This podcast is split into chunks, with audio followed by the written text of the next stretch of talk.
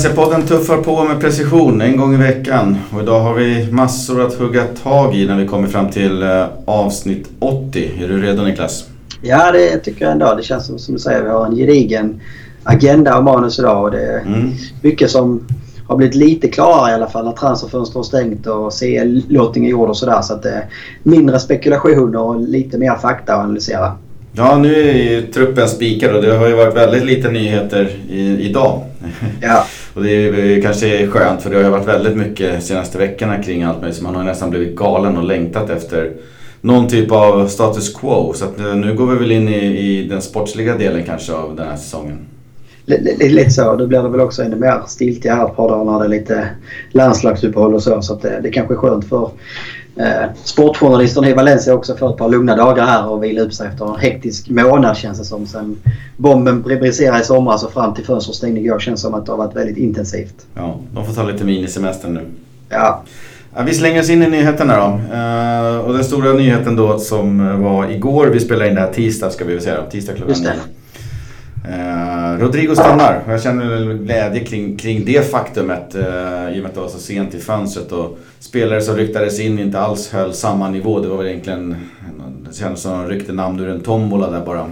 Så får vi se om lugnet sänker sig nu eller freden kanske i det lilla krig som pågått i Valencia. På slutet verkar det väl ha varit Valencia själva som har sagt nej till försäljningen och det tyder väl kanske ändå på någon form av vett och sans hos eh, det man i folkmun kallar för Valencia Singapore. Eh, dessutom så kom det nu info om att Atleti ville ha Rodrigo på lån ett år och betala senare när pengar fanns och lite sånt där. Så beslutet att eh, Rodrigo stannar känns ju väldigt bra tycker jag ur den aspekten. Vad har du för reflektioner? Nej, för det första så känns det alltså... Jag tror, det, jag tror mer... Jag tror inte att det var Valencia som sa nej egentligen. I så fall var det väl det man sa nej till kanske att man inte ville släppa honom på lån. Utan jag tror mm. att det liksom blev som vi spekulerat om tidigare att Atletico hade liksom inte pengarna. Man kunde inte...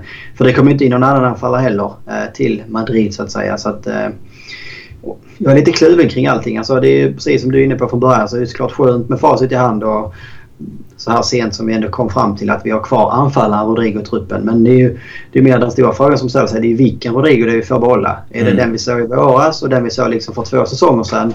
Eller är det liksom det spöket som sprang runt på planen förra hösten där han hade en liknande sommar?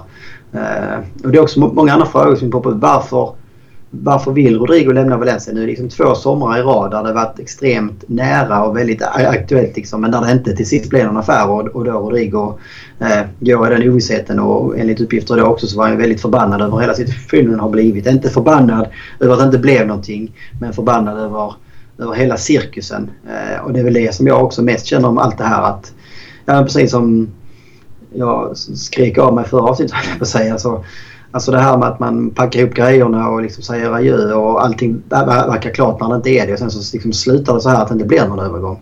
Någon borde ju få sparken för det här beteendet och de här besluten. Och det är ju också signaler om att det är, liksom, det är någonting som inte står rätt till och att det känns nästan ibland som att det är liksom en ballong som när som helst kan spricka. Eh, så att det är en tråkig känsla eh, som man hade hoppats liksom bara skulle vara 100% positiv. Ja, eh, det är en liten delikat situation där jag tror inte att det här hade hänt om, om en klubbs eh, sportchef, eh, Malleman i det här fallet, hade skött förhandlingarna och hade skött liksom planeringen av klubben och så vidare. Nu är ju situationen som sådan om man har alla korten på bordet och det är väl att eh, Peter Lim då äger Rodrigo på ett eller annat sätt eller har rättigheterna till honom och han bestämmer när han ska säljas. Så då kliver Alemani av egentligen. Så det är ju ja. väl vad jag förstår andra människor som då förhandlar kanske eller har kontakten primärt och så och att det har brustit där. Eh, att det i större utsträckning är människor som inte riktigt är vana med de här situationerna eh, som sköter den här förhandlingen.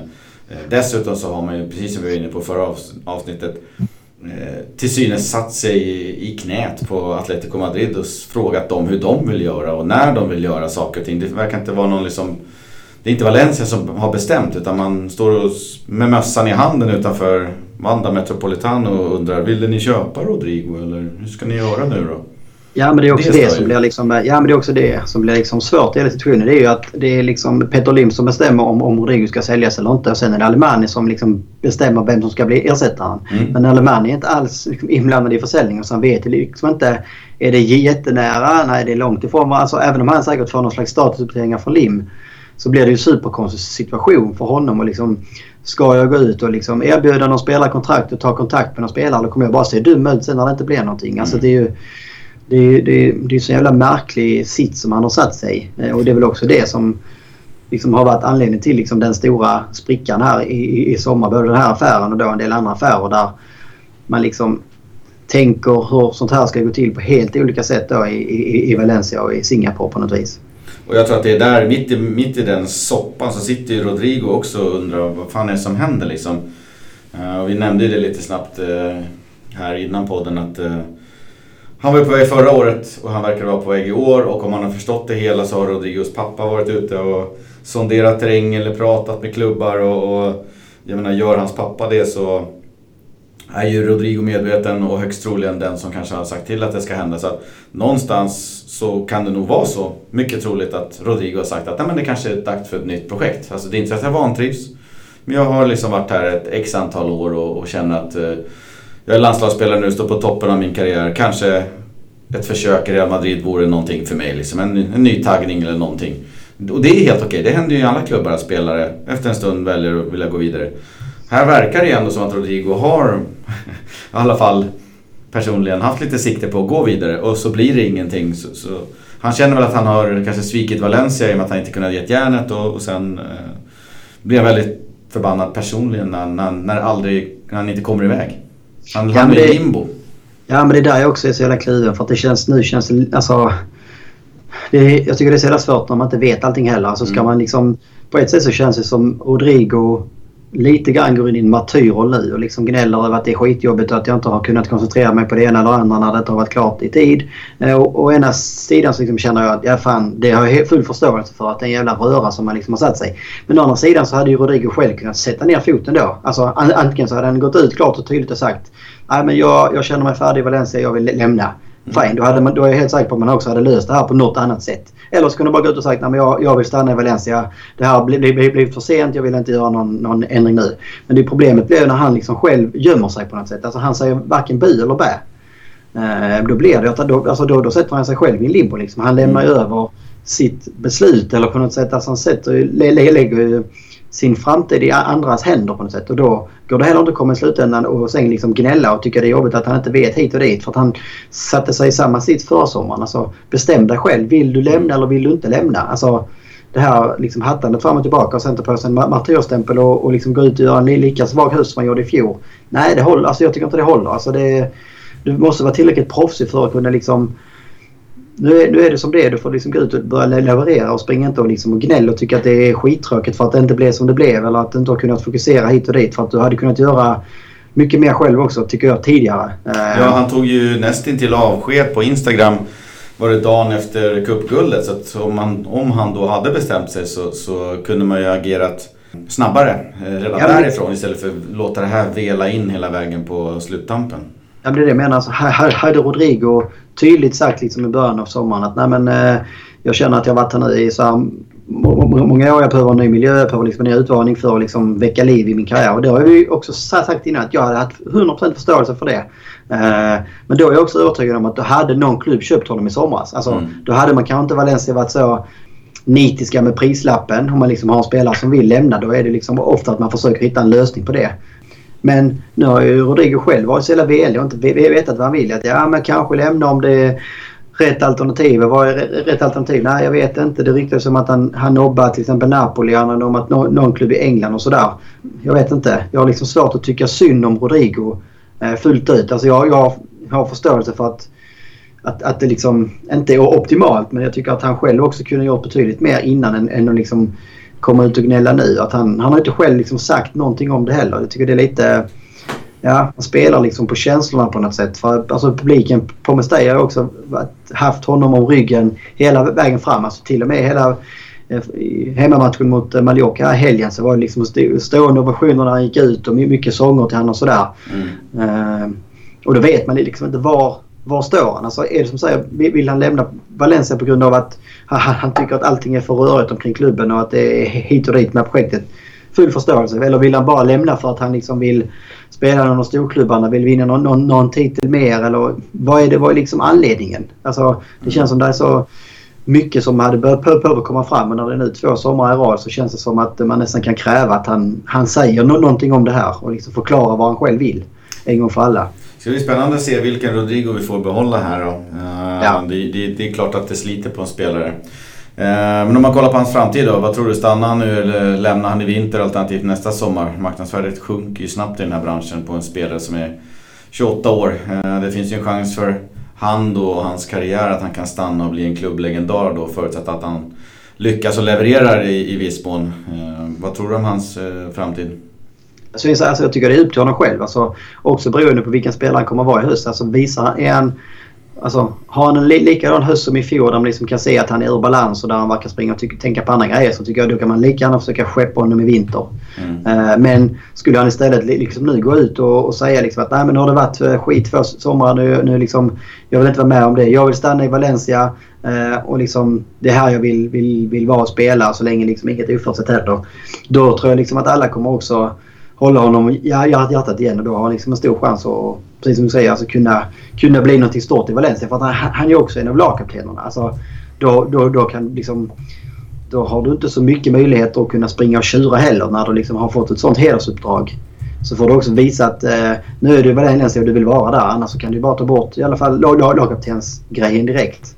Ja, det är lite fascinerande där. Jag vet inte, hans kontrakt blir ju ett år eh, kortare så att säga. Han eh, har bara kontrakt till 2022. Så att eh, nästa sommar då är det 22 år kvar på kontraktet och sånt gör ju också att oftast prislappen går ner och sen så är han ju ett år äldre. Han är 28 nu och blir 29 då. Så jag vet inte, jag tror för varje år som går så säger det sig självt att det finns ju inga 60 miljoner att ta. Han måste ju leverera ja, 15-20 baljer i år och ha en lyckad säsong om prislappen ska ligga kvar på 60 miljoner nästa sommar. Så att, ja, det där blir nog klurigt. Det är ju som vi sa Peter Lims investering och han vill nog ha tillbaka pengarna på något sätt. Annars får ja. han ju bara känna att ja, men vi betalade de pengarna, han levererar i klubben över tid och blir en lagkapten och så vidare. Och så vidare. Ja, men jag tycker också man borde, man borde på något sätt kanske också lära sig något av den här sommaren. Det är liksom att det är väldigt svårt att ha en spelare som ägs av någon annan och som liksom inte klubben helt och hållet kan eh, vara lika involverade eller veta vad som händer. Alltså, då, då, får man ju vara tydligare från början också. att Lim säger att Nej, men den här sommaren så ska jag liksom sälja Rodrigo. Nu är det dags. Eh, och fine, då liksom ger det också mandat till Alemania att gå ut och hitta en ersättare på något sätt. Men det går ju inte att leva i den här limbon liksom fram till sista timmarna på deadline. Att, men kommer han bli kvar eller kommer han inte bli kvar? Så det är en, en, en av lagets viktigaste spelare när han liksom har, har en bra form och det är en av kaptenerna och liksom är Spaniens landslagsanfall. Alltså, det går inte att hantera en sån typ av spelare. Alltså, om Valencia vill vara ett topplag så kan man liksom inte bete sig som ett Getafe. Nej, och, och återigen så, så, är det ju det, det, är det taffliga sättet man försöker sälja på. Det verkar ju så att, nej men jo men ska vi inte, jag, känner nog att vi ska försöka sälja Rodrigo. Och så hittar man en köpare och så, så hamnar man i knät på den köparen och då kan ju varken tala om för Alemani, gå, in och, gå ut och köp en ny för vi, vi behöver bli klara här. Eller Rodrigo, nu sa man att han skulle städa ur skåpet. Men han fick komma tillbaks. Men du hamnar i någon sorts så här, du har inte riktigt bestämt dig. Börja Nej. med det här i juni.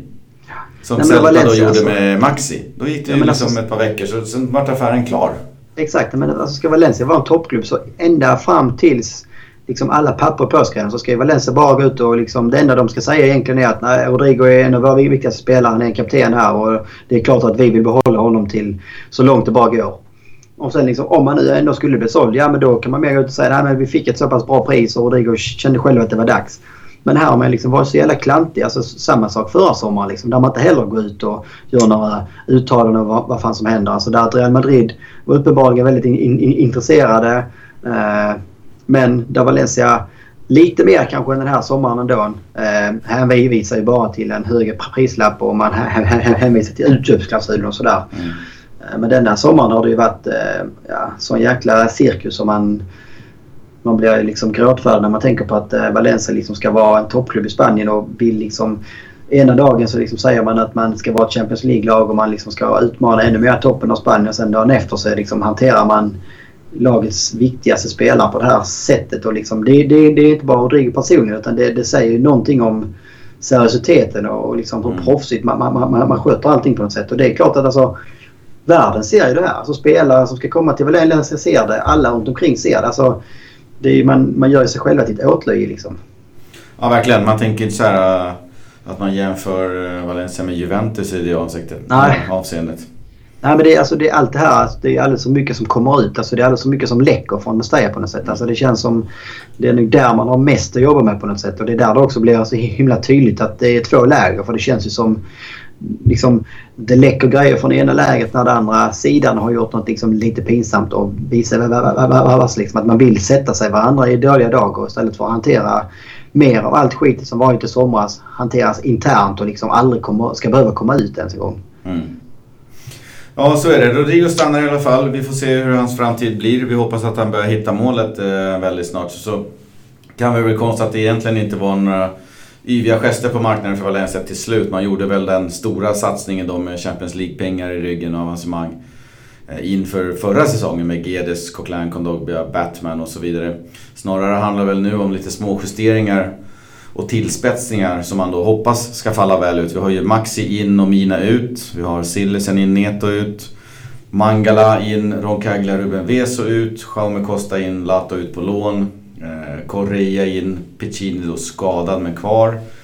Manoa in i truppen, Sobrino ner i frysboxen. Eh, och sen så vet man inte, alltså beroende på Mangala då. Eh, om han kan spela och eh, sen är Korea tvingad. Men i övrigt så kan jag inte säga att det har blivit så här, liksom, om man tar spelare för spelare, så mycket sämre.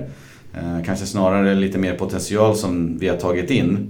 Eh, så vi får se. Vad, vad säger du om truppen som nu är spikad där eh, Manu Vallejo eh, ingår då? Ja, nej men det är alltså... Det känns som det är så himla mycket i Valencia just nu som är så jävla kliven och... Mm. Det, alltså det känns inte superbra. Alltså det är rent summeriskt kan man säga att jag tycker absolut inte man har, man har förstärkt truppen. Eh, bästa fall tycker jag att den, är, den, den ser likvärdig ut kvalitetsmässigt. Alltså, mm. de, många av spelarna som målvakts på posten är ungefär eh, skitsamma. Eh, Korea, Piccini, det känns liksom som en chansning men med viss potential att det liksom kan flyga kanske.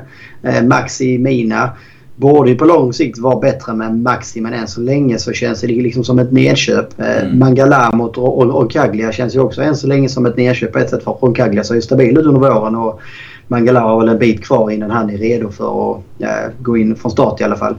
Eh, så det är liksom så här. Det beror också på hur man ser liksom på fjolåret på något sätt. För ena sidan så kan man säga att okay, vi har det är, det är bra med kontinuitet. Det är liksom, man har inte tappat någon spelare som man egentligen ville behålla. Det är liksom också något positivt i, det här. Man, man har fått behålla alla spelarna som man vill behålla. Eh, och man har fått kontinuitet nu liksom tredje säsongen med många av de här spelarna som ändå är bärande startspelare. Så det, mm. det är liksom i den ena vågskålen. Å andra sidan så kan man säga att ja, men det här, den här truppen i fjol imponerar ju liksom inte över hela säsongen. Eh, kanske tog man Champions League-platsen i fjol mer på grund av andra lag hade en svag säsong. Alltså kollar man poängmässigt så talar det mer för det än att det var Valencia som liksom till sist shapade upp och tog de mm. poängen som behövdes. Eh, det var ju ett Getafe som darra som hade liksom Champions League-platser hela våren men darra när det krävdes som mest. Det var ett Sevilla som underpresterade. Det var ett Betis och Bilbao och de andra liksom toppkonkurrenterna som också underpresterade rejält. Eh, Copa del Rey-triumfen fram till finalen hade man ju relativt enkel väg. Det var ju först där som man liksom stötte på ett topplag.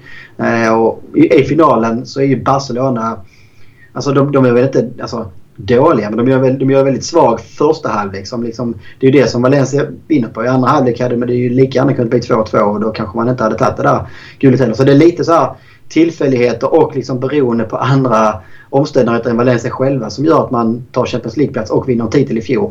Eh, så liksom, vill man se det på det sättet så, så, så kan man vara orolig för den här säsongen. Liksom, att, nej, men, i fjol så hade man tur men man kanske inte ska tro att det ska gå eh, lika lätt i år om man nu får uttrycka sig så. Och då kanske man hade hoppats att man skulle förstärka på ett par tre positioner i alla fall och liksom se att ja, här har vi faktiskt liksom spetsat truppen och inte bara breddat den. Mm. Ja exakt, jag känner ju att eh, den, den, den jobbiga biten i de här eh, värvningarna är ju Maxim Mina ut. Eh, nu var ju Mina skadad en del och har alltid varit skadad men han har på något sätt alltid levererat mål. Eh, vi har ju inte sett någonting från Max igen och då har han ändå Nej. börjat få lite speltid så det... Får vi fart på Maxi så, så, ja, så det känns det som att då har vi då har vi tre riktigt, riktigt bra anfallare men eh, får vi inte fart på Maxi att det blir någon typ av Batman-utveckling på det hela så jag vet inte. Då känns det tungt. Ja, jag håller med och det, för det, det som alltid var bra med Mina och som var lite grann, om vi ska ta upp hans namn igen, Simon mm. Sasa, det var att du visste ju alltid liksom vad du fick. Alltså du fick alltid en spelare som, som jobbade och slet och som liksom alltid eh, spelade med hjärtat på något sätt. Alltså det, det var inte varje match som varje touch satt eller det var varje match som man gjorde mål för att då hade de liksom varit världsspelare. Men du visste alltid lägstanivån på något sätt. Eh, och den alltså, tycker jag ändå var relativt alltså, hög. Alltså, det, man, det var sällan man, man, man liksom kunde säga att man inte var nöjd med deras insats. Alltså det, man, man, man kunde ibland kräva mer men de hade i alla fall liksom kämpat och gjort, gjort sitt yttersta på något sätt. Sen att de var begränsade i andra grejer. Men med, med, med Maxi så känns det liksom... Du får inte alls den spelartypen. Här får du liksom en spelare som ska vara en boxspelare mer. Kanske lite targetspelare. Eh, så kommer inte han in i spelet så kommer han ju se usel ut. Precis som Batman egentligen gjorde i fjol. Alltså lite grann är de i samma spelartyp på något sätt. Så det gäller ju också för Valencia att hitta ett spel som man utnyttjar deras styrkor på något vis. Ja, du hade ju Sasa och Santemina. De var ju eh, killers i boxen. Ja. Eh, ingenting av de tre matcherna jag sett i år signalerar på att någon är en killer i boxen. Eh, fast vi kanske vet vad Maxi är kapabel till. Men vi har inte sett det i Valencia-tröjan och det kan ju vara oroa lite grann då. Ja, nej, men du fick ju också alltid liksom det här pressspelet av de mm. två. Du fick liksom spelare som var hela tiden löpvilliga på något sätt. Eh, både på gott och ont ibland. För ibland så kunde det vara att alltså, det, ibland kan du också springa för mycket på något sätt. Alltså, ibland kanske du, du ska välja dina löpningar på ett annat sätt. Och det var väl det som liksom gör att de är lite begränsade. Att de har ju inte den här smartnessen som till exempel en Rodrigo har. Som liksom mer gör smarta löpningar som också öppnar upp för andra spelare och sådär. Eh, men Maxi Gomez, alltså Ja, alltså det är ju som vi pratade om sist och kanske kommer in på det också här när vi pratar Mallorca. Eh, stor del faller ju på honom själv så att säga. Att han inte själv har kommit igång och ser liksom inte alls ut att ha självförtroendet eller liksom något flyt i varken liksom spelet eller löpningarna eller med bollen eller någonting. Och sen då andra sidan precis som vi pratade om också efter Celta-matchen så krävs det ju också liksom ett, ett anfallsspel och några bollar att jobba på för mm. att liksom kunna visa sig på något sätt. Så det är ju det, är det som är svårt och det är väl där det det känns lite lurigt på ett sätt för det känns som Sasa och Santimina-typen, om vi nu sätter dem i samma fack som jag egentligen skulle vilja göra.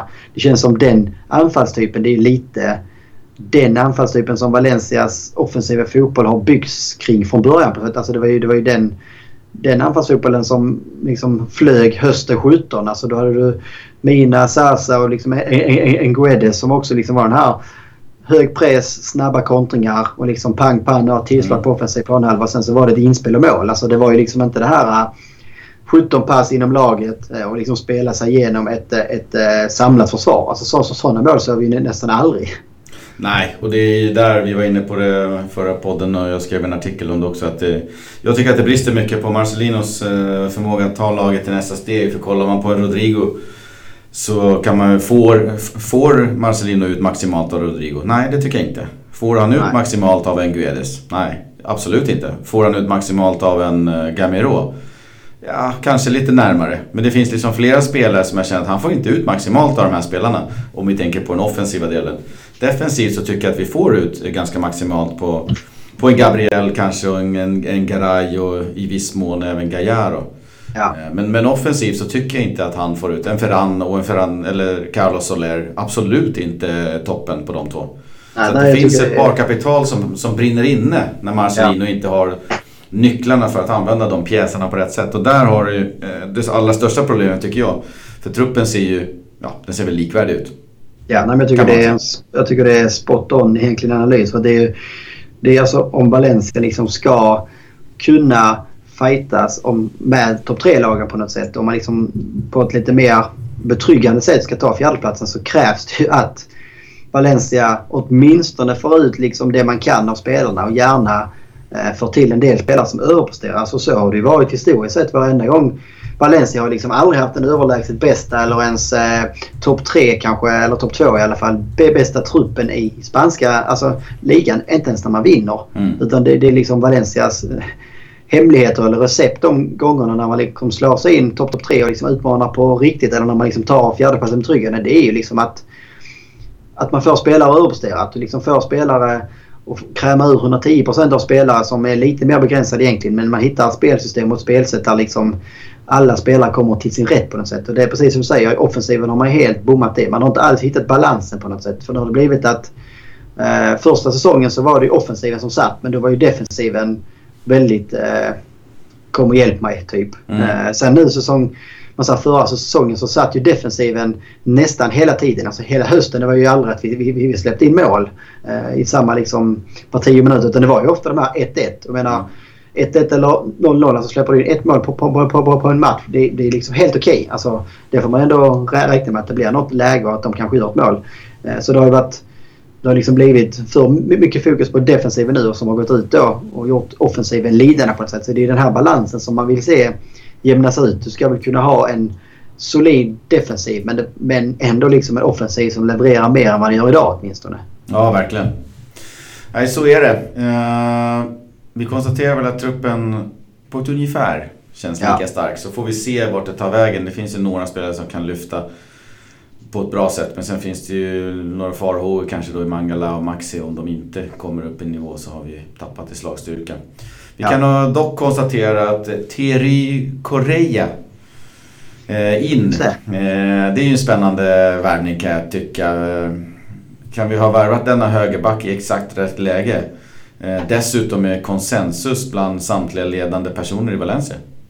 Ja men det var jag sa spontant så tycker jag det är, det liksom är rätt profil som man, man, får in och det verkar också liksom vara en spelare som man har någorlunda scoutat och som är liksom, ja men det kan bli en pärla om man säger så. Mm. Sen är han ju väldigt oerfaren. Han har inte spelat mer än eh, 4-5 matcher liksom i A-laget på högsta nivån på något sätt. Eh, och det är det som också, det hade, ja, det känns mycket bättre om denna värvningen hade kommit i juli. Alltså nu, nu, nu blir det ändå liksom en sista minuten-värvning för att eh, Piccini gick sönder så att säga. Alltså, Correa kunde man ju tagit in ändå kan jag tycka. Alltså ta in honom i sommar så har du två högerbackar. Liksom. Då har du en yngre som liksom, eh, du kan slussa in och förhoppningsvis liksom kan få sitt genombrott. Och då har du en Piccini som ja, du vet vad du får. Och så har du då en vass ovanpå allt som kan liksom gå ner och vikariera. Eh, så det är väl det som är lite synd och som också liksom gör att det blir en mer chansning. Men av de namnen som cirkulerar på slutet så känns det ändå som den absolut mest spännande på det sätt och som också har någon potential och uppsida som många, många av de andra var liksom mer... Nej, men det var trötta spelare som hade fastnat i sina nuvarande klubbar som då visste kunde komma och få lite eh, återuppståndelse kanske i Valencia. Men det var betydligt hö hö högre risk skulle jag säga med, än denna Correra. Ja, jag tycker han känns riktigt spännande. Det enda som känns ospännande är väl att om man kollar på den akklimatiseringsperioden som man eh, behövde lägga på en Gamero till exempel som är 30 bast eller den akklimatiseringsperioden som Maxi Gomes verkar behöva för att överhuvudtaget kunna ja, slippa skämmas på planen så undrar man ju vilken akklimatiseringsperiod en 20-årig högerback behöver för att komma in i Marcelinos tänk. Eh, jag ser ju framför mig att Vass kommer få oerhört mycket högerbacks speltid under hösten och får bara hoppas att inte Vass går sönder. Ja, det känns också som rent krasst så tror jag också det här kan betyda att Puccini mest troligt eh, alltså kommer skeppas iväg. Han kommer nog liksom inte bli så långvarig. Nu känns som...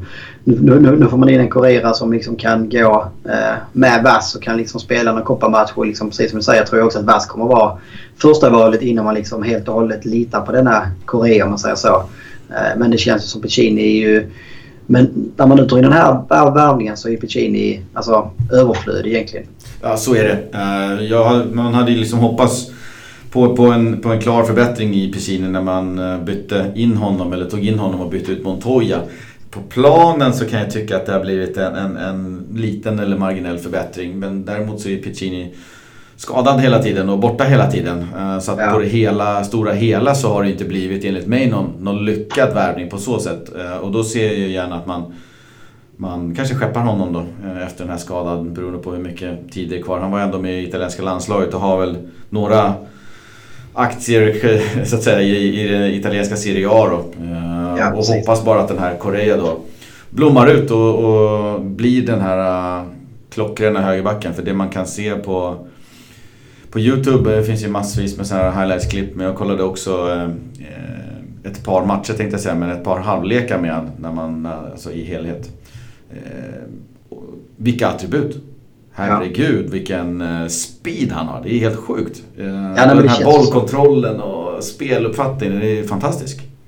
Nej, men det är ju liksom den här klassiska klyschan, en, liksom, en modern ytterback. Mm. Eh, och det är, är lite grann en Cancelo som är liksom några år yngre. Alltså ungefär så som Cancelo var när han kom till Valencia kanske. kom ju också liksom då, hade gjort liksom bra succé i ungdomslandslagen i Portugal. Eh, Cancelo var väl en lite större stjärna när han kom till Valencia kanske än vad just Korea är. Eh, men kan han liksom nå upp till någorlunda nivåer som, som Cancelo har, har gjort. Och man liksom då dessutom, Cancelo hade ju problem i Valencia med defensiven. Mm. Han var ju liksom väldigt fredig framåt men hade mer problem att försvara.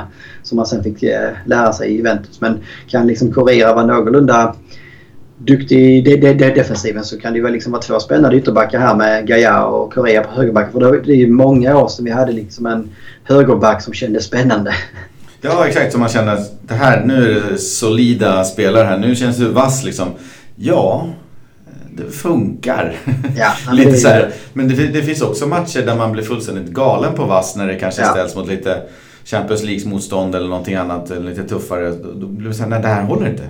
Nej, nej men det är ju liksom en historik här nu med Vass och Piccini och Montoya och Barragan och allt vad det har varit. Så det känns liksom... Vänsterbacken har det varit precis tvärtom. Det känns ju som det kommit upp liksom spännande namn på löpande band de sista tio åren nästan. Men högerbacksplatsen har väl inte varit någon spännande sen Miguel eller Carbonis dagar.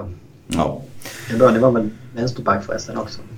Däremot så säger vi väl välkommen då till Korea eller Thierry, jag vet inte, inte vad han ska kallas, vad hans artistnamn är. Eh, vi får se. Alvaro Medran i alla fall, han rev sitt kontrakt, är nu fri att gå vart han vill. Han vill ju, har ju väntat på erbjudandet från La Liga-klubbar men ser ut att hamna i, hamna i sekundan. Eh, Jason gick till Getafe på lån.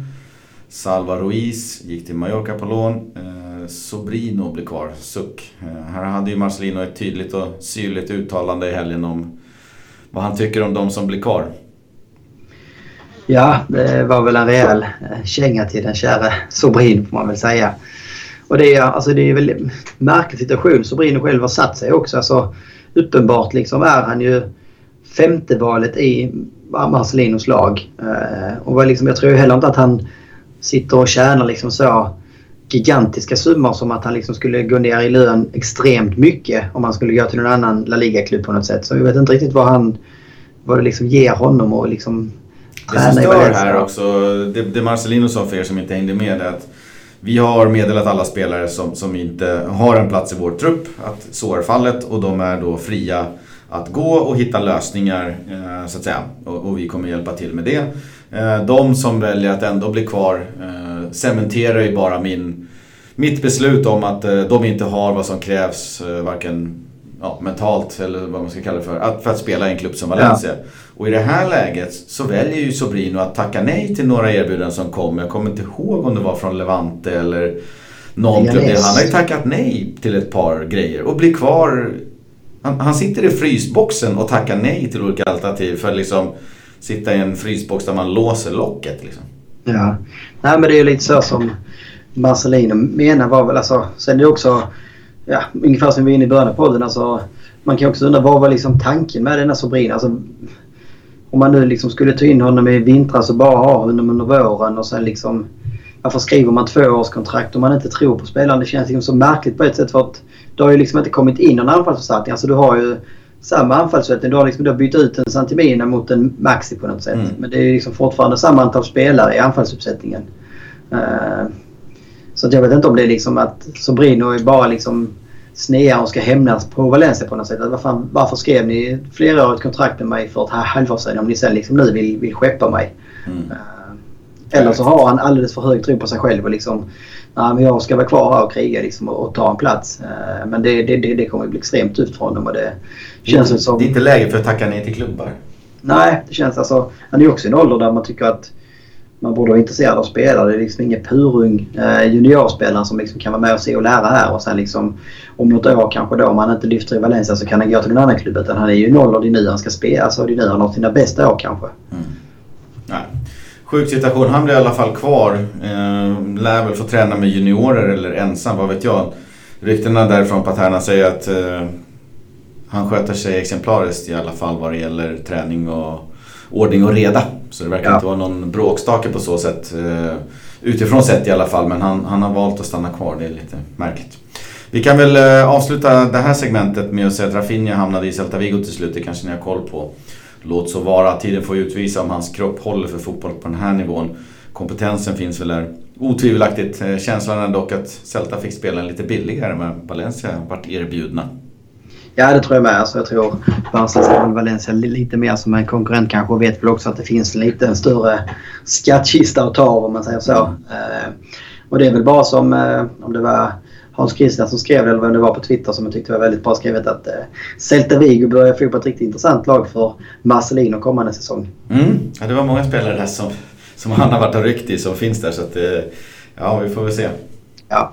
Vi tar en liten, liten jingel så kikar vi på Champions League-lottningen sen.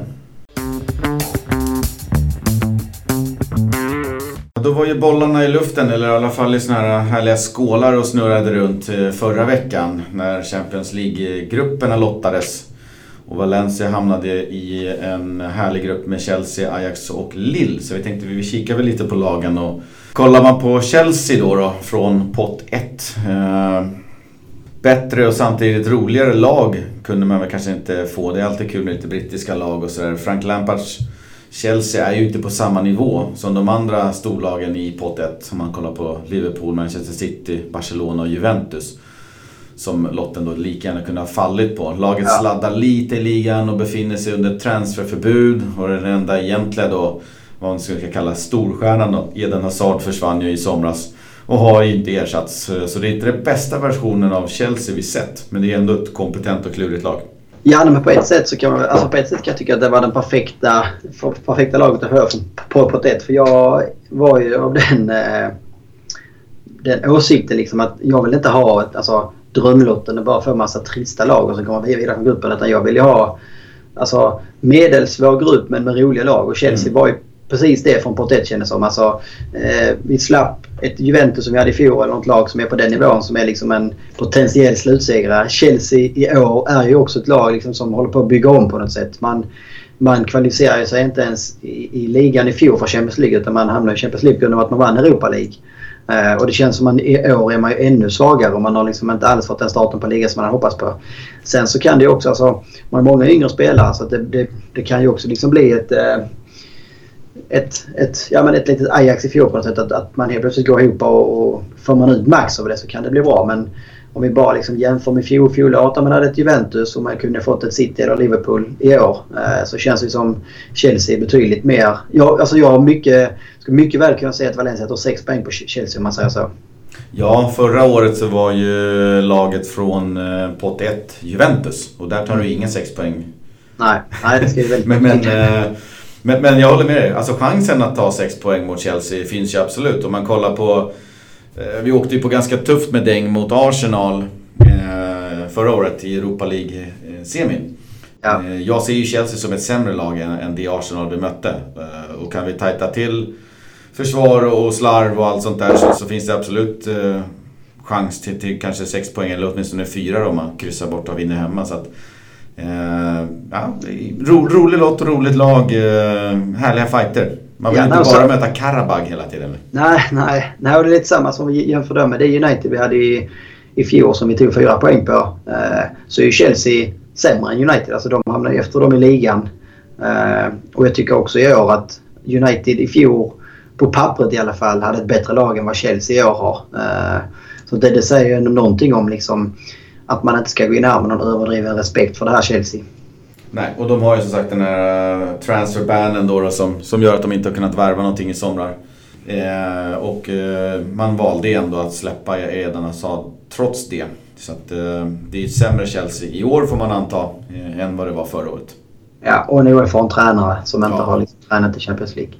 Så att, eh, jag tycker det var en jättekul lott från, eh, från den potten. Om man kollar ja, på Ajax då från pott 2.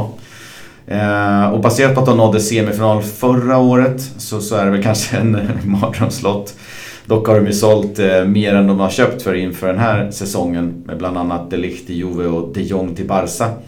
Sen vart man ju av med den här Kasper Dolberg till Nice. Han har väl kanske inte gjort något superavtryck på mig eller kanske Ajax för den delen i Champions League. Men de har fått in eh, 2 miljarder svenska och har bara investerat eh, 570 i nyförvärv. Och det är väl så de rullar. De tar ju fram unga talanger. Eh, viktigaste för laget är väl ändå att eh, Erik Ten Hag, tränaren där som jag håller väldigt högt att han är kvar. Det är ju en svår nöt att knäcka. Men den lotten kunde lika gärna ha fallit på Tottenham, Napoli eller Dortmund. För att ta några av de tuffaste lagen i pott 2. Hur känner du kring eh, Ajax? Nej, men det är ungefär samma som Chelsea. Alltså, det är klart att eh, det fanns betydligt enklare lag eh, på pappret att få än Ajax. Det fanns, men det fanns också betydligt svårare. Och det är likadant från, som, som Chelsea så känns det som att Ajax är ju sämre i år än vad de var i fjol. Eh, det är också ett lag som är liksom så här lite ombyggda nu. Man har tappat alla i stort sett sina eh, tongivande spelare från fjolåret och som liksom gjorde att man kunde ta sig hela vägen fram till semifinal efter en... Alltså man spelar ju fantastiskt också där under våren. Det var ju liksom inte inte något eh, bananskal man halkade på utan man, man slog ut lagen på löpande band rättvist på något sätt. Eh, men samma som i Chelsea så känns det liksom... Det är fortfarande ett Ajax från holländska ligan. Eh, och liksom holländska ligan och ett Valencia som liksom är fyra i Spanien. Där ska också vara möjligt att kunna ta sex poäng om man säger så. Mm. och ändå är det ett kul lag. Alltså jag ser hellre möta ett Ajax än att möta något ryskt eller eh, östeuropeiskt eller ja, men något tråkiga lag. Alltså Ajax är något kul lag att mäta sig mot. Och liksom det är en kul bortaresa för de som vill göra det till Amsterdam. Så att menar Chelsea Ajax det är två klassiska, klassiska klubbar och det, det är så man vill ha det i Champions League. Och ställas mot de här liksom stora lagen från de andra ligorna. Så att sportsligt bra och liksom också roliga lag. Så att, eh, bra lott.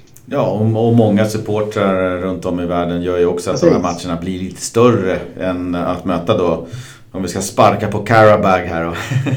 eller någon annan av där Zenit eller ja. Salzburg. De här. Så att, eh, jag tycker det var en eh, ro, rolig, svår men, men rolig lott. Eh, vi ska väl också nämna i sammanhanget som vi var inne på innan vi började spela in att Ajax spelade ju faktiskt Europa League-final också.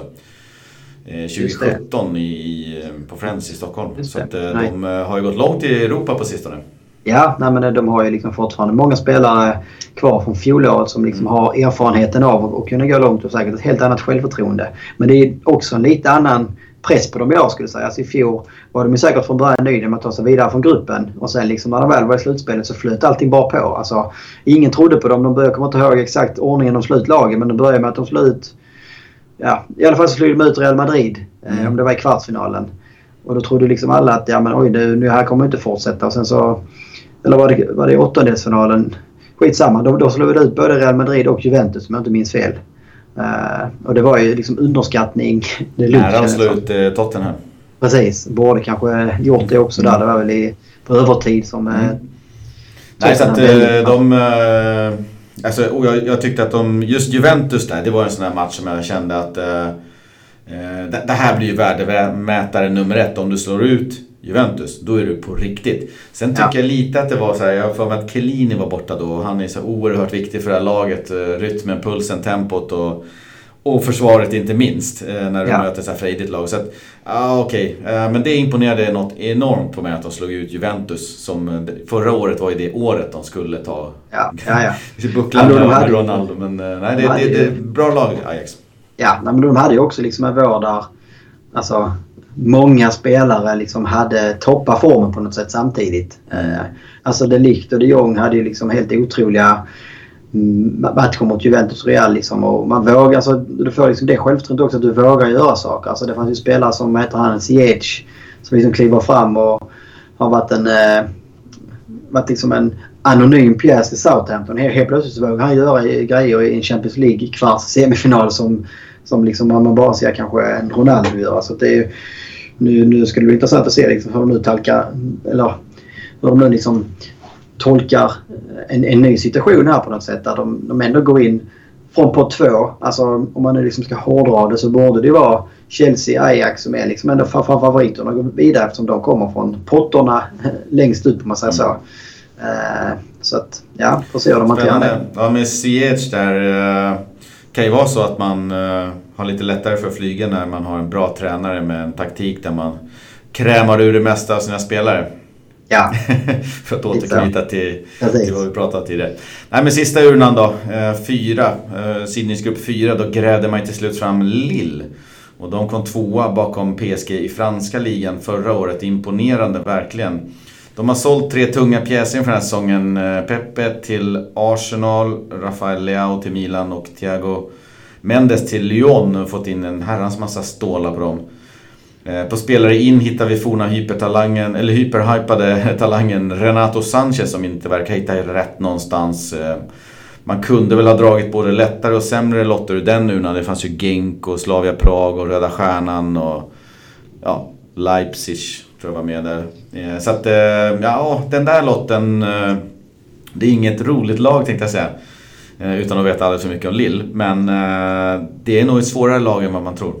Ja, nej, men det, det, var väl den enda jag kände också att... Eh, när man ändå hade fått Chelsea och Ajax också så kände jag att nej, men då kan man ju få ett... Då, alltså, då, då kan man ta liksom ett lite mer anonymt lag från den sista gruppen här. Och det kändes som Lille och Leipzig här hade jag nu som de liksom tuffaste tuffaste lagen att få. Leipzig kanske är ännu bättre än Lille eller ännu liksom vassare i alla fall. Lille känns, alltså de känns också svåra veta var man har dem på något sätt. Eh, men lite grann som man är så Chelsea är det också ett lag liksom som nu tappat sina bästa spelare från fjolåret och nu liksom ska försöka bygga upp någonting nytt på något sätt. Så att det känns svårt att, att sätta liksom fingret på var man har dem och det är lite det som blir kontentan av liksom gruppen på något sätt. Att det känns som Valencia har betydligt större möjligheter i år att vinna gruppen. Eh, men det känns också som det finns betydligt större risk i år att man kan, faktiskt kan bli fyra. Alltså, det, är, det är fyra, fyra lag alltså, rent spontant så känner jag att alla kan hamna på alla platserna. Alltså, mm. Om det vill sig illa kan Chelsea bli sist i den här gruppen. Eh,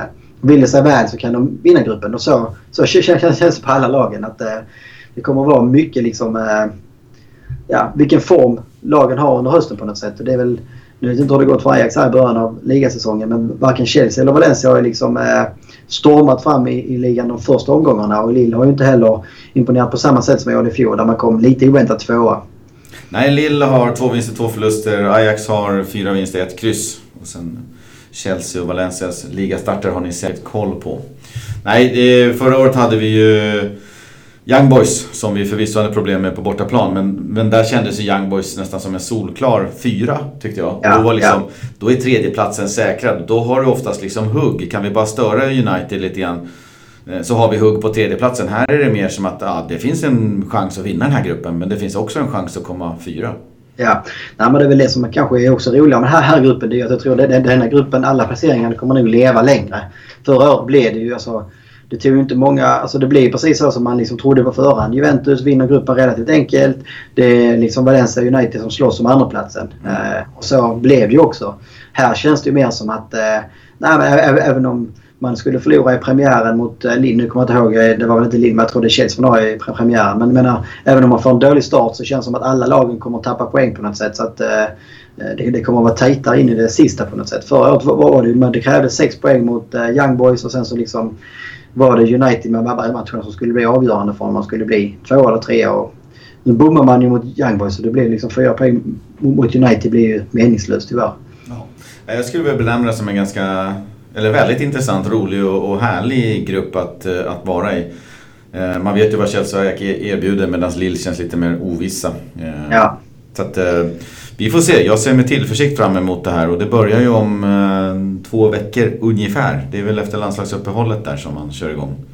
Just det. Ja, vi kan väl också bara kort nämna att eh, är du medlem i Chess Scandinavia så har du stor chans att kunna få biljetter därigenom. Och det är ju i stort sett enda sättet att liksom få säkrade biljetter på förhand i alla fall. Mm. Eh, klubben säljer ju inte, får inte sälja enligt Uefa tror jag, eh, biljetter precis som man säljer ligabiljetter direkt liksom, till personer utan det behöver gå genom genom de här olika pengarna. Eh, så det är fram till torsdag den 5 september om man på sig att anmäla intresse till Chess Scandinavia om man är intresserad av biljett till både hemmamatcherna och eh, bortamatcherna faktiskt. Ja, och eh, det är väl inte något långskott att anta att samtliga av de här matcherna kommer att vara slutsålda. Jag menar, Lill, Lills hemmamatcher kommer att vara slutsålda. Chelsea på Stanford är alltid samma med Ajax och Valencia också. Så att det, Eh, hör av er till Chess Scandinavia där om det finns något intresse. Det är säkerligen det enda sättet.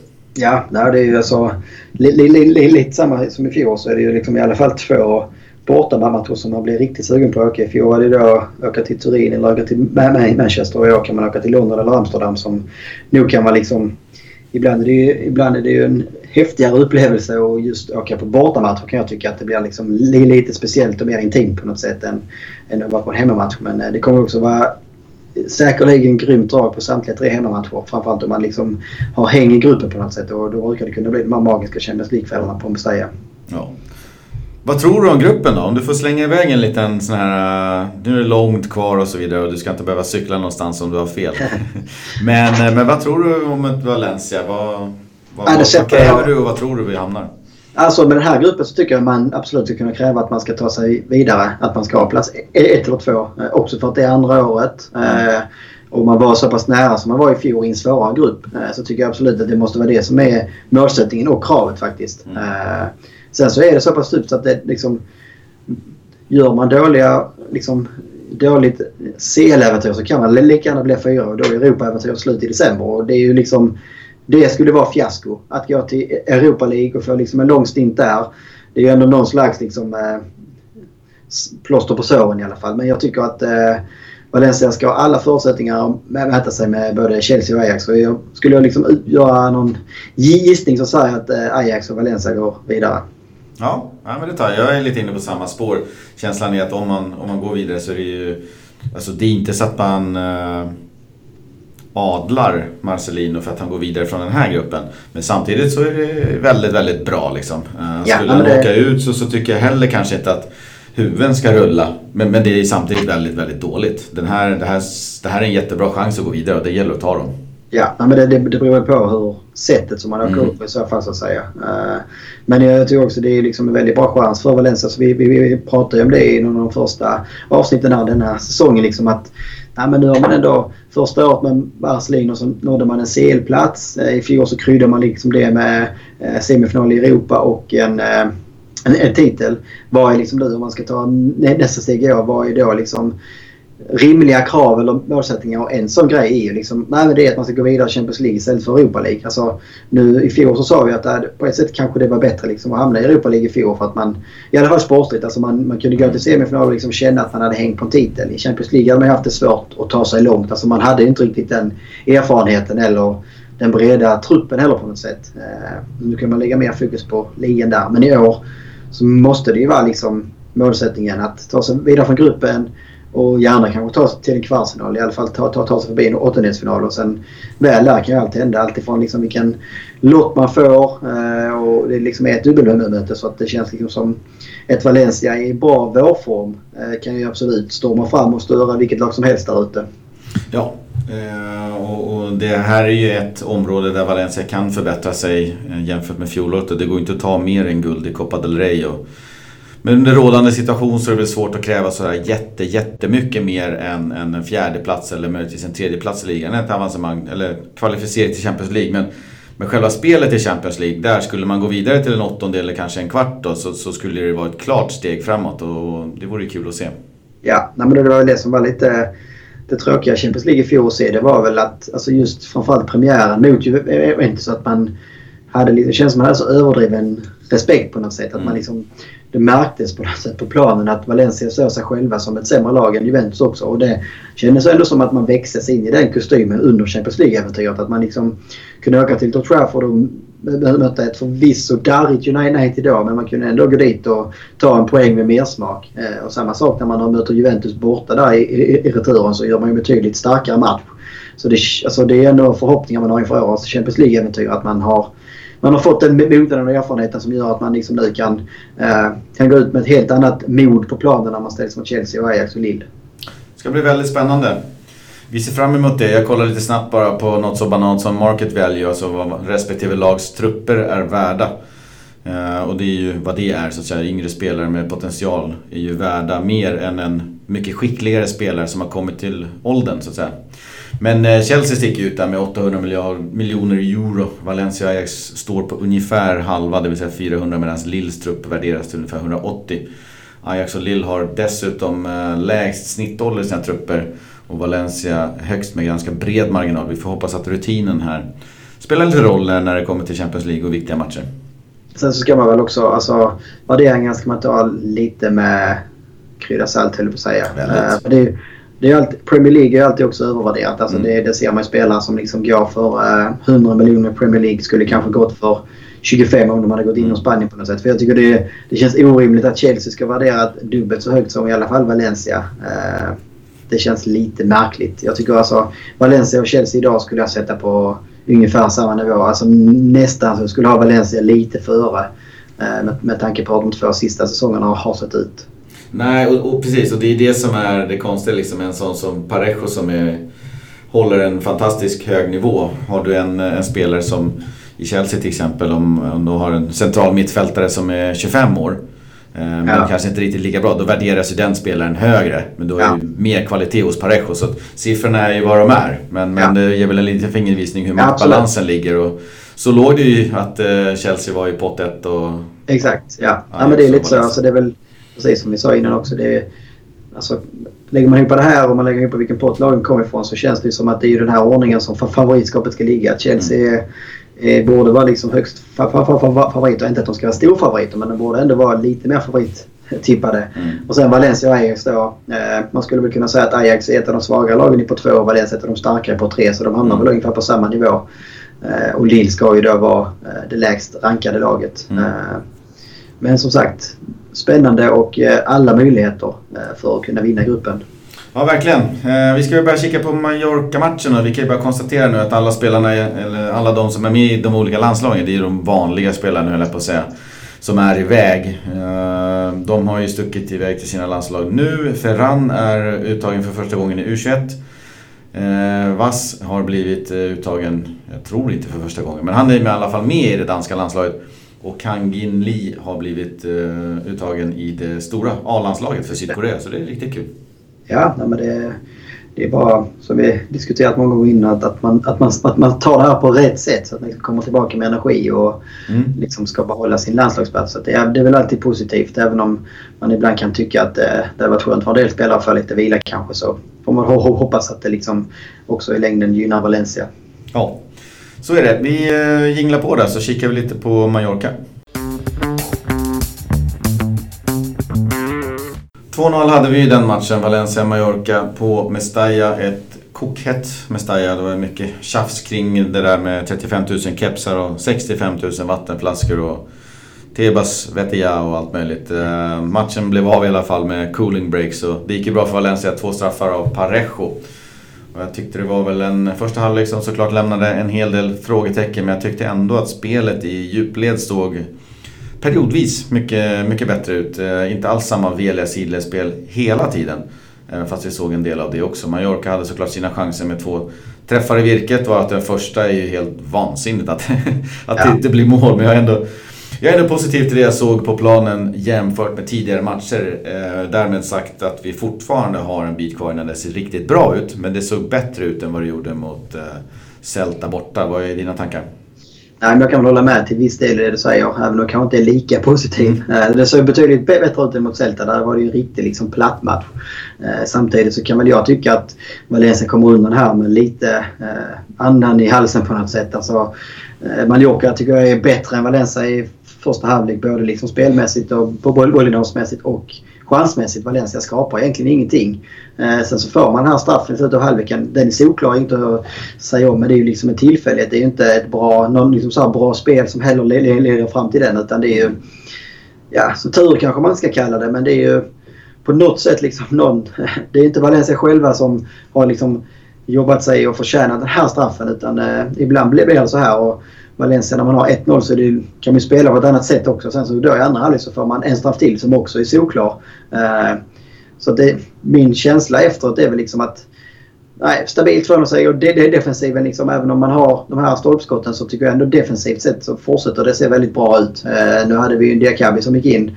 Eh, men nu är det, ju också ett Mallorca vi möter som liksom inte är, kommer absolut inte vara, det kommer att vara ett lag som krigar för sin existens. Det man också ska komma ihåg, alltså hemma på, med Mestalla mot en nykomling som mest troligt kommer liksom, eh, åka ur eller liksom, i alla fall kriga sig kvar med nöd och näppe. Det är där man också känner att man, man borde kunna kräva mer. Eh, samtidigt så kan man liksom också summera att det kanske var precis det här som Valencia nu behöver. Alltså, nu, behöver vi, nu behövde vi tre poäng. Eh, då liksom kan man har tre poäng så är det också betydligt enklare och lugnare att försöka hitta spelet på något sätt. Eh, för att i inledningen av ligan här så är poängen viktigare än spelet tycker jag. Eh, hellre att det, det ser liksom dåligt ut i spelet men att vi tog tre poäng mot Mallis än att spelet hade varit jättebra men vi fick bara 1-1. Det är väl så som jag summerar denna helgen. Ja, och, och kollar man på förra året som det såg ut så, så var det ju den här typen av insatser som Valencia stod för i mångt och mycket på, på hösten. Men det blev eh, kryss istället. Ja. Så det är kul att de fick den här poängen, segern.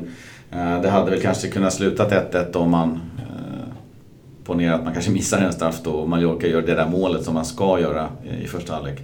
Vad vet jag, eh, hypoteser. Men, men ändå, det var skönt med, med en trepoängare. Jag tycker att det är svårt att kräva, alltså gå från Celta-insatsen till någon typ av fullständigt självspännande piano och någon propagandafotboll. Eh, jag kände mig i alla fall en liten nöjdhet och en trygghet i att det såg någorlunda bättre ut. För att nu hotar de i, i vissa lägen ändå framåt, vilket jag inte såg någonting av mot Celta och väldigt lite av mot Sociedad. Så att, eh, sådär, utan att utdela några högre betyg så tycker jag ändå att det, det var bra. Jag tyckte ja. det fanns ett par ljusglimtar också. Diakabi som du nämner gör en ganska, ganska solid insats med tanke på vad han har för lägsta nivåer och vad han har för typer av misstag i sig, eller haft i alla fall, så tyckte jag att han såg mycket mer resolut ut.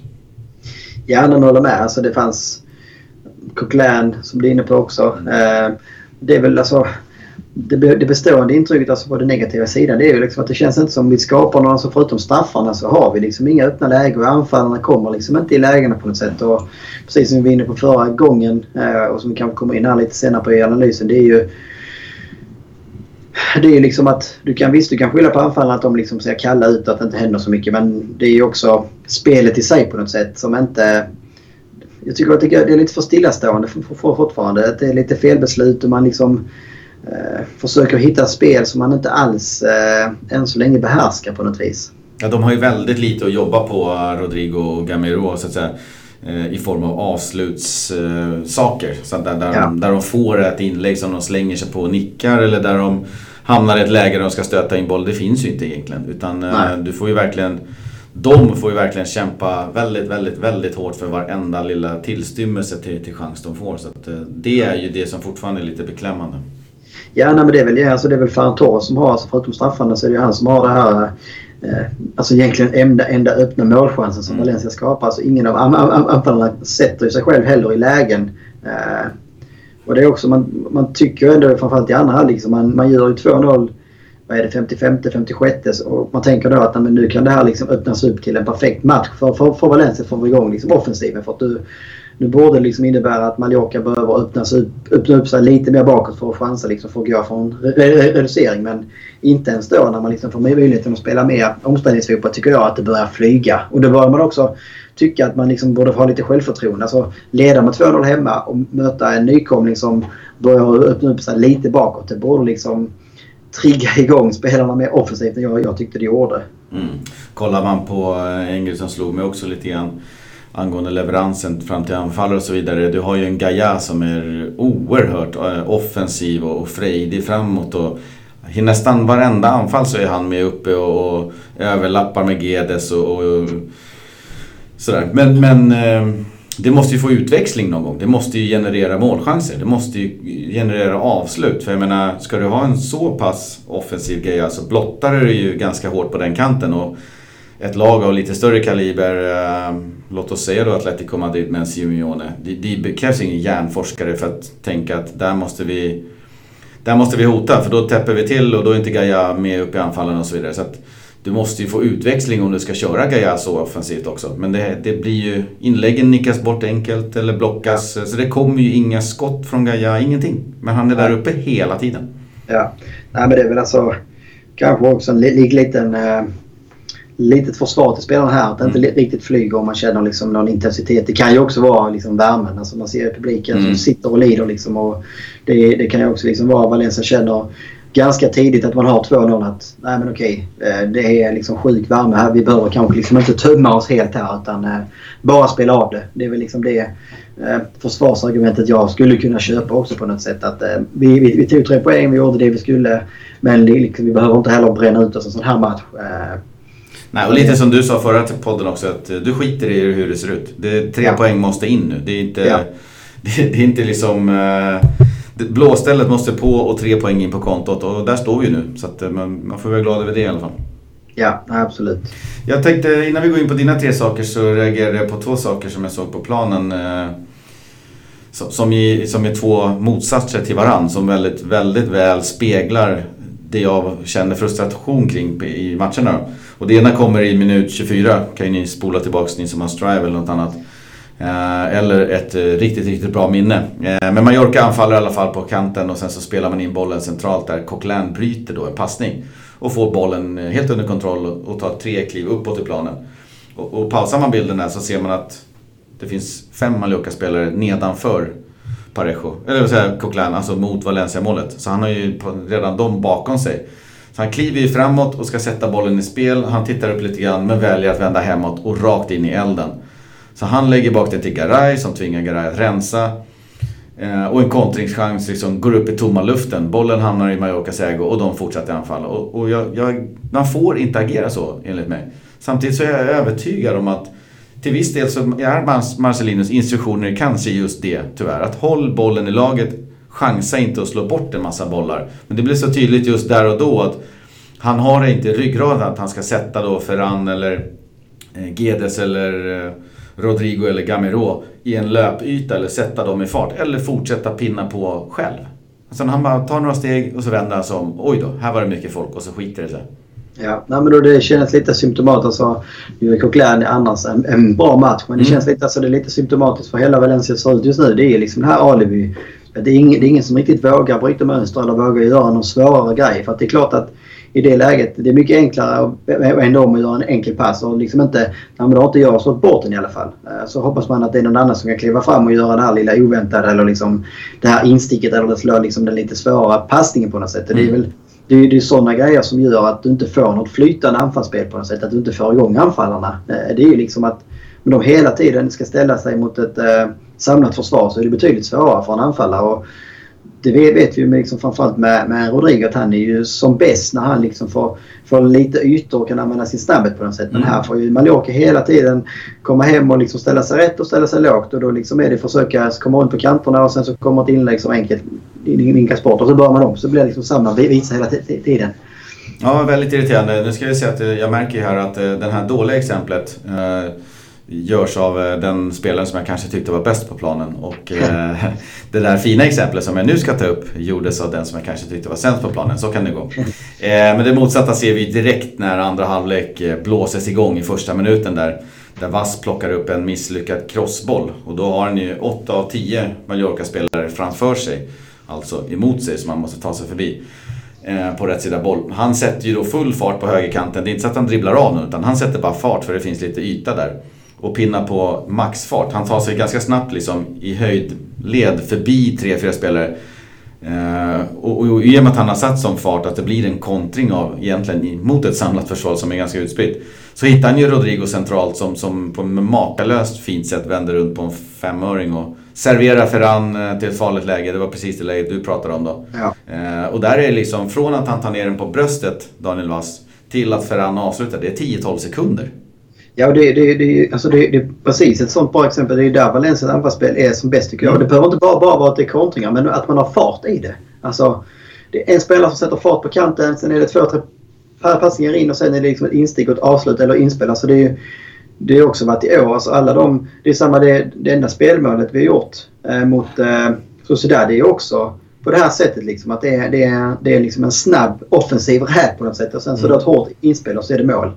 Och det känns som alltså att man inte försöker göra det här ofta. Alltså jag, jag, jag kan också förstå att man ibland måste välja liksom att nej, men nu, nu har vi inte haft bollen på länge, nu måste vi vila i laget och så vidare. Att man inte kan göra det varje gång. Men det känns som det är allt för många gånger.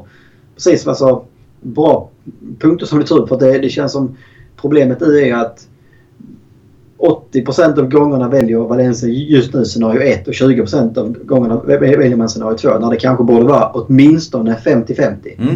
Absolut, jag håller med. Det går inte att tokoffensiva hela tiden. Men, men du måste göra det som, som Vass gör i det läget eller det som Valencia gör i det läget oftare och, och betydligt ja. mindre det som Coquelin eh, valde att göra i det läget. Ja, det var bara två passusar. Ja, men tycker det är det klassiska som alla experter, det är väl en, en av de största klyschorna nu det här att man, att man måste ställa frågor liksom. Mm. Och det, det är ju precis det som Vass gör. Alltså när han får bollen istället för han, han, han börjar om och liksom ger Mallorca chansen och liksom i lugn och ro eh, etablera sig. Så tar han några snabba steg fram och då helt plötsligt blir det Mallorca. Okej, hur fan ska vi agera här? Ska vi gå på? Ska vi samla oss? Vad, vad, liksom, vad, vad ska vi göra? För att det går, det går så himla snabbt. Eh, och det är då, då får liksom en... Då får du också ut lite av Rodrigos smarthet. Liksom, för han hittar ju ofta det där tycker jag liksom Rodrigo är en av sina absoluta styrkor. Det är ju de här spelvändningarna. Att han mm. ofta hittar en yta och är liksom en utspelspunkt. Och så kan man hitta Rodrigo och så kan han liksom spela vidare på något sätt. Uh, och han är inte den uppspelspunkten när det är stillastående trafik nej, liksom nej. på, på Mallorcas planhalva. När alla står stilla och bara tittar på bollhållaren när de rullas runt. Då står ju Rodrigo där liksom i Alltså folk överallt, det är ingen som kan spela upp på honom. I det här läget så, så kommer han ju med fart framåt och så väljer han ju att, att bromsa in löpningen för att ta emot den här passningen. Och då är han ju ren eh, på sitt sätt och får tid. Hinner vända upp eh, och bort med den till, till Ferran. Så att, ja, riktigt fint. Ja, och det är där, där man också alltså eh, både Rodrigo och eh, Maxi Gamera fick en del kritik för att man, man, man kom ner för långt och skulle hämta bollen och sådär. Vi har också varit inne på det för säsongen. Och, jag kan hålla med i kritiken och det tycker jag fortfarande att ibland måste de försöka hålla sig längre upp i banan. Men jag, jag kan också Alltså jag kan också samtidigt förstå dem att de kommer ner och hämtar. För de, de, alltså de springer där uppe och försöker liksom visa sig i djupled och försöker liksom vara spelbara. Men det kommer aldrig någon boll. Och det är klart, liksom springer du runt där till sist så vill du kanske bara känna på den och känna att du är med i spelet. Och så kommer mm. du för långt ner. Så det blir liksom någon sån här negativ spiral av det. För att då liksom Valencia rullar bara runt och anfallarna kommer längre och längre ner. Så alternativen blir liksom färre och färre för ett annat spel på något sätt. Mm. Och det, det, känns som det, det var ju det som man också fastnade i förra hösten. Eh, precis det här som man ser lite för mycket tendenser av nu. Uh, och som jag också liksom inte kan sätta fingret på vad det var som hände när man väl liksom fick islossningen framåt på något sätt. Det var väl liksom mer... Jag vet inte om det hänger ihop liksom med självförtroende liksom både i laget och i spelet på något sätt. Att, man, att en del spelare vågar. Det känns som många spelare är för rädda för att misslyckas eh, som det är nu. Ja. Nej, så var det. Eh, kika på dem om ni vill. Direkt i, första, andra, eller direkt i andra halvlek och minut 24 i första så har ni de två ytterligheterna. Eh, men du hade tre punkter som du tar med dig från årets första seger. Ja, den första punkten vi kan börja med det är väl eh, Coquelin var, tillbaka och vilken betydelse som han, han har för laget just nu. Det känns liksom som Eh, den absolut formstarkaste spelaren i Valencia skulle jag vilja säga. Eh, kanske då med Sillesen eh, som inte behövde göra så mycket den här matchen. Men man också liksom tittar på Coquelin på planen och Coquelin utanför planen denna säsongen så kan vi konstatera att i premiären var Coquelin på planen i 95 minuter. Eh, och då hade Valencia 1-0 hemma mot Real Sociedad då man liksom borde vunnit den matchen med allt så, eh, som liksom ledde fram till det. Sen så får ju Coquelin bollen på handen på frisparken. Eh, också lite klantigt. Mm. Men blir utvisad och det blir 1-1. Och då är han avstängd mot Celta Vigo och då gör Valencia en riktigt, riktigt platt insats. Nu är Coquelin tillbaka. Och Valencia är betydligt bättre. Och det är också, det är också Coquelin som ligger bakom båda straffarna. Mm. Eh, första straffen blir han fel och andra straffen är det ju han som går upp i nickduell.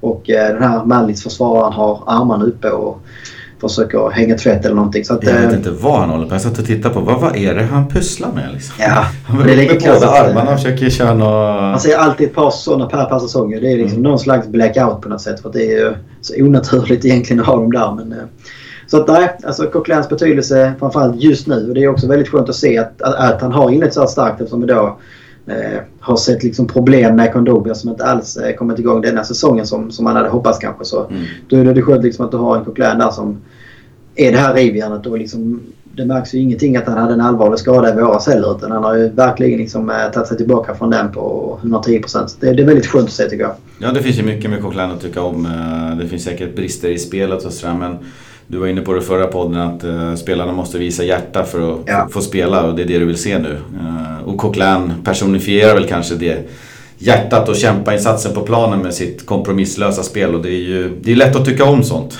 ja, men det är också alltså, li, li, lite grann på första straffen. Alltså, det är också att han tar den här löpningen in mm. i straffområdet och utmanar. Alltså, han hade lika gärna kunnat stanna upp och inte liksom försöka gå eh, löpa sig ren om man säger så. Mm. Men han liksom offra, jag vet inte om man säger offra sig, men han, han liksom försöker ju ändå och vill någonting på något sätt. Och det är många spelare som skulle kunna ta efter ännu mer och visa mer på något sätt. Eh, gå, gå i bräko på något sätt. Jag tycker han är ett föredöme. Mm. En riktigt härlig spelare. Kul att han eh, verkar ha hittat lite form också. Vad ja. har vi för punkt nummer två?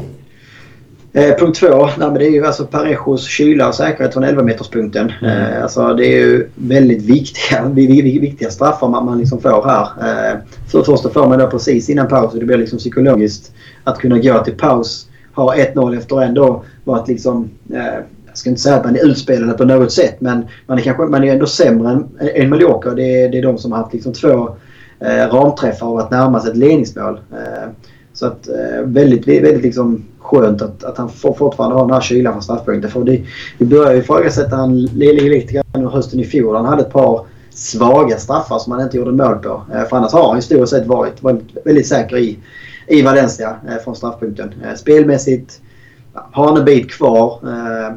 Men liksom inte heller den liksom här lata Parejo som man kunde se, som vi sett andra säsonger.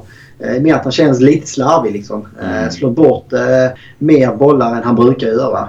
Och har inte riktigt liksom fått in det här flytet i offensiven. Alltså som man kommer ihåg liksom hur briljant han var i Copa del Rey-finalen mot Barca. Liksom mot, mot ett så pass starkt mittfält där han liksom bara helt, eh, helt givet går in och dominerar på något sätt. Eh, så där, liksom, där finns ett sparkapital i, i, i, i spelet med, med Parejo. Men jag tror också det var skönt för honom att få göra två mål och liksom få, få kliva fram som kapten ändå och bli hjälten på något sätt.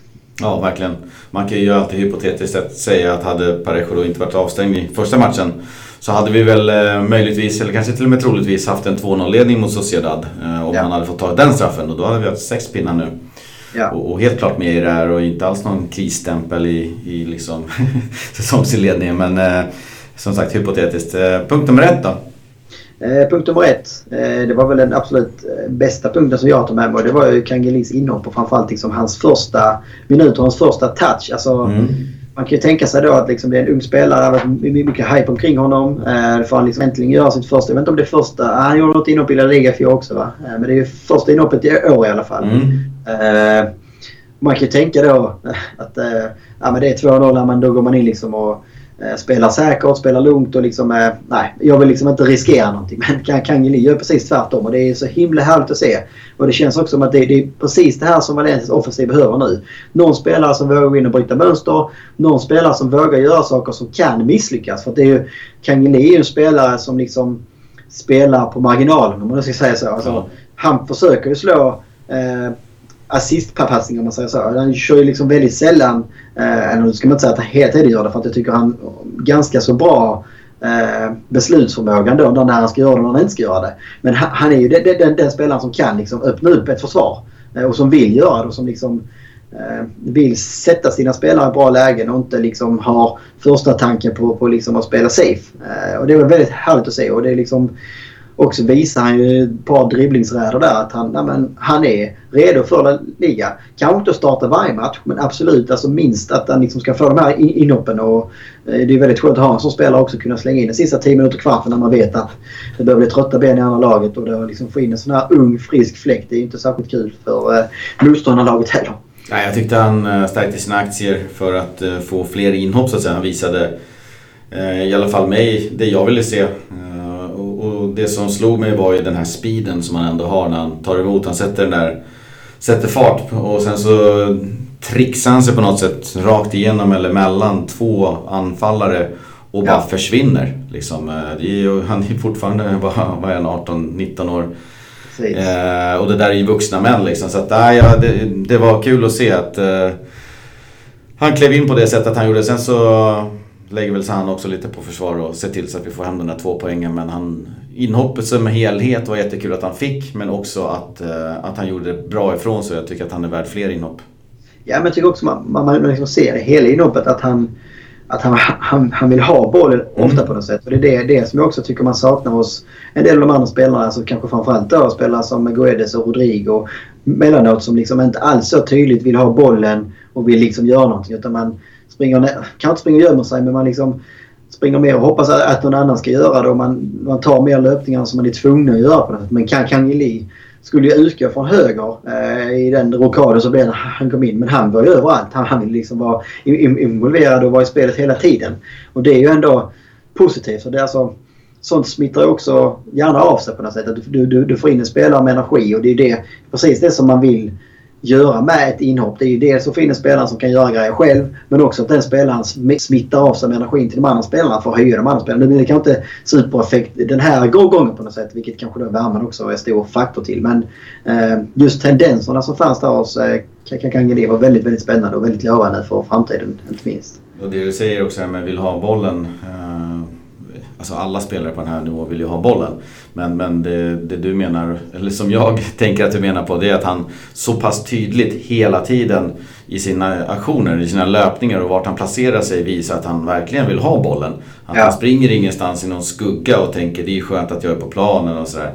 Eh, de minuterna då, som, eller de halvlekarna och highlights-paketen som jag sett om den här Correia så har han faktiskt lite grann av det där i sig också. Hela tiden spelbar, hela tiden vill ha boll. Det är ingen stabbig back alltså som rensar och, och, och, kör lite sånt. Utan han vill ha bollen och han vill spela och har en oerhörd spelförståelse. Precis, Nej, men alltså, både att man vill ha den och att när man väl får den så vill man göra någonting med den. Alltså, eh, det är det som jag tycker också. Och det, är, alltså, det är en himla balansgång i ett lag. För det, samtidigt går det inte att ha 11 sådana spelare. Alltså, du behöver ha några som mer balanserade med den. Alltså som en Coquelin som kanske normalt sett har en lite annan roll. Att när han får den så är det liksom mer lugna ner det och göra en enkel passning på något sätt. Men du behöver ha ett par spelare, framförallt så som Valencia spelar, så behöver du ha ett par spelare som vågar, vågar göra den lilla extra offensiven. Och då måste man också tillåta dem att ibland misslyckas på något sätt. Eh, där har ju Guedes också, ska ju Guedes också vara den spelaren som gör samma sak. Men han har ju heller liksom inte lyft eh, tillräckligt i alla fall den här säsongen. Det, han har man också hoppats på. Att nu hade han sitt genombrott för två år sedan. Hade en mellansäsong i fjol där han hade problem med skador. Sen kom tillbaka och var väldigt bra en session och sen så gick han li, lite ner igen. I år hoppas man ändå liksom att han ska kunna hålla en högre nivå läng, alltså jämnare så att säga, mm. över en lite längre period på något sätt. Eh, så det positiva i Valencia är väl liksom att man har fått en... For, for, fortfarande har man ändå fått en dålig poängmässig start och man har inte fått igång spelet men samtidigt så känns det ändå som att det finns liksom mycket mycket sparkapital. Eh, det är ingen liksom spelare som egentligen har, har imponerat. Eh, mer än då Coquelin och Silsen kanske. Ja, och jag, pratade, jag skrev en, en text om eh, Marcelins taktik och jag skrev att den enda spelaren i Valencia som verkar, eller enligt mig har någon typ av X-factor, att det är Guedes. Men jag måste ju slänga in Kangeli. Nu spelar inte han så ofta men man såg när han fick bollen och satte fart. Då, då började folk säga oj nu händer någonting, vänta, tyst nu har Kangeli bollen. Och sen när han gör de där ja. spelarna, då står ju hela Mestalla upp ja. och jublar och bara helvete nu händer det grejer. Så ja. det har ju Guedes i sig lite grann också. Att han, han får ju folket att ställa sig upp och tro på att nu händer någonting. Ingen annan i Valencia har ju riktigt den, den, det glittret på, på planen som, som gör, han, han har ju verkligen någonting i sig. Eh, och bara den här är... din punkt ett, att han, den första minuten, han visar ju alla att han har någonting i sig. Ja, precis. Nej, men det är lite sådär Även om man inte ska göra några sådana jämförelser eh, i stora drag. Men det är lite den här Aymar-känslan också. Så de här drivlingarna på små ytor. Liksom, många spelare runt omkring sig. Liksom, kunna dribbla sig loss och sen liksom ha speeden och bara, bara rycka ifrån. Och sen trycka den då i djupleppen av någon, någon liksom ytterlöp eller någonting. Alltså det, det, är, det känns också som Kangelis eh, kvaliteter passar ju perfekt i det här klassiska Valencia-spelet. Alltså, som vi pratat om innan som också varit en liten framgång i Marcelinos. Liksom, när Marcelinos lag har liksom varit på sina högsta nivåer så har man ju spelat på det, det sättet som man liksom såg Valencia göra i, i 2000-talet där liksom. Och som man också nådde framgång på de här spelvändningarna. Uh, och där, där känns det som Kang Lee, kan man liksom hitta en roll för honom i det här så har ju han nu många kvaliteter som liksom kan, kan bidra i detta. Ja, verkligen. Det var kul att se. Kangelis första minuter, Parejo säker från 11 meter och Coquelins betydelse för laget tar du med dig som dina höjdpunkter kan man väl säga från matchen? Då. Absolut, ja. Det får man säga. Jag tänkte att jag kanske skulle ha en bonus där men uh, det var inget vettigt jag hade egentligen. Jag tänkte bara sätta väldigt lite spelmål i år. Man har släppt in ett spelmål ja. på tre matcher. Men man har gjort ett spelmål. Däremot så har det varit fyra straffar i de tre första matcherna varav en missat och tre mål. Då. Så att, uh, Ja, bra defensivt att bara släppa in ett spelmål såklart. Eh, men det måste ju till mer på tre matcher. Ja, nej men alltså jag tycker det, det ramar ju också in liksom hur, hur, det har sett ut. Att man, man har varit väldigt solida bakåt och släpper till mycket chanser. Men man har också haft oerhört svårt att framåt skapa några klara chanser. Liksom. Alltså, då har man dessutom bränt en straff. Eh, och man har räddat en straff. Eh, mm. så att, eh, mycket straffmål. Eh, och det, det är precis som du säger. Det är ju, å ena sidan skönt att vi inte... Alltså, på ett sätt är det skönare att släppa in mål på straff, om man säger så, mm. än att släppa in spelmål kanske. Men å andra sidan så är det ju inte så positivt att vi liksom eh, har gjort fler straffmål än spelmål. Ja, verkligen. Så man får liksom inte missta sig här. vi har gjort tre mål. Ja, fast det är ändå ja. bara ett spelmål och det har sett lite tunt ut där. Så att, eh, ja, ja, vi håller tummarna på att den här matchen i alla fall var ett steg i rätt riktning och att eh, stegen i den riktningen fortsätter. Ja. Då så, jag tror att vi har börjat komma in på slutet här. Vi önskar ju väl alla spelare lycka till i landslagen så får ni väl kolla. Det finns ju en hel drös med Valencia-spelare där ute eh, som, som representerar sina landslag. Precis, och så kommer vi tillbaka om en vecka ungefär med, med mycket fokus då på eh, Barcelona-matchen som väntar till, till helgen där. Och eh, eventuellt, eller nej, det blir, är, det, är det direkt efter där som det är Champions League också? Ja, precis. Jag tror att vi behöver börja dribbla med Champions League-veckor också när vi ska spela Ja. För man vill ju se matcherna på tisdagen och man vill ju se matcherna på onsdagen. Men samtidigt så känns Precis. torsdag lite sent att spela in och, Ja. och måndag Ja. lite för tidigt. Så det är svårt det där. Ja, nej, jag tror att Valencia, det var Chelsea-Valencia där först. Jag tror det var på tisdagen den 17. Så Mm. nästa veckas inspelning lär vi väl både fokusera på Barca och då Champions League-premiären så att Mm. säga. Ja, så får det bli. Ja. Då så, ha det bra där ute. Häng med oss på sociala medier och eh, hasta luego. Hasta luego.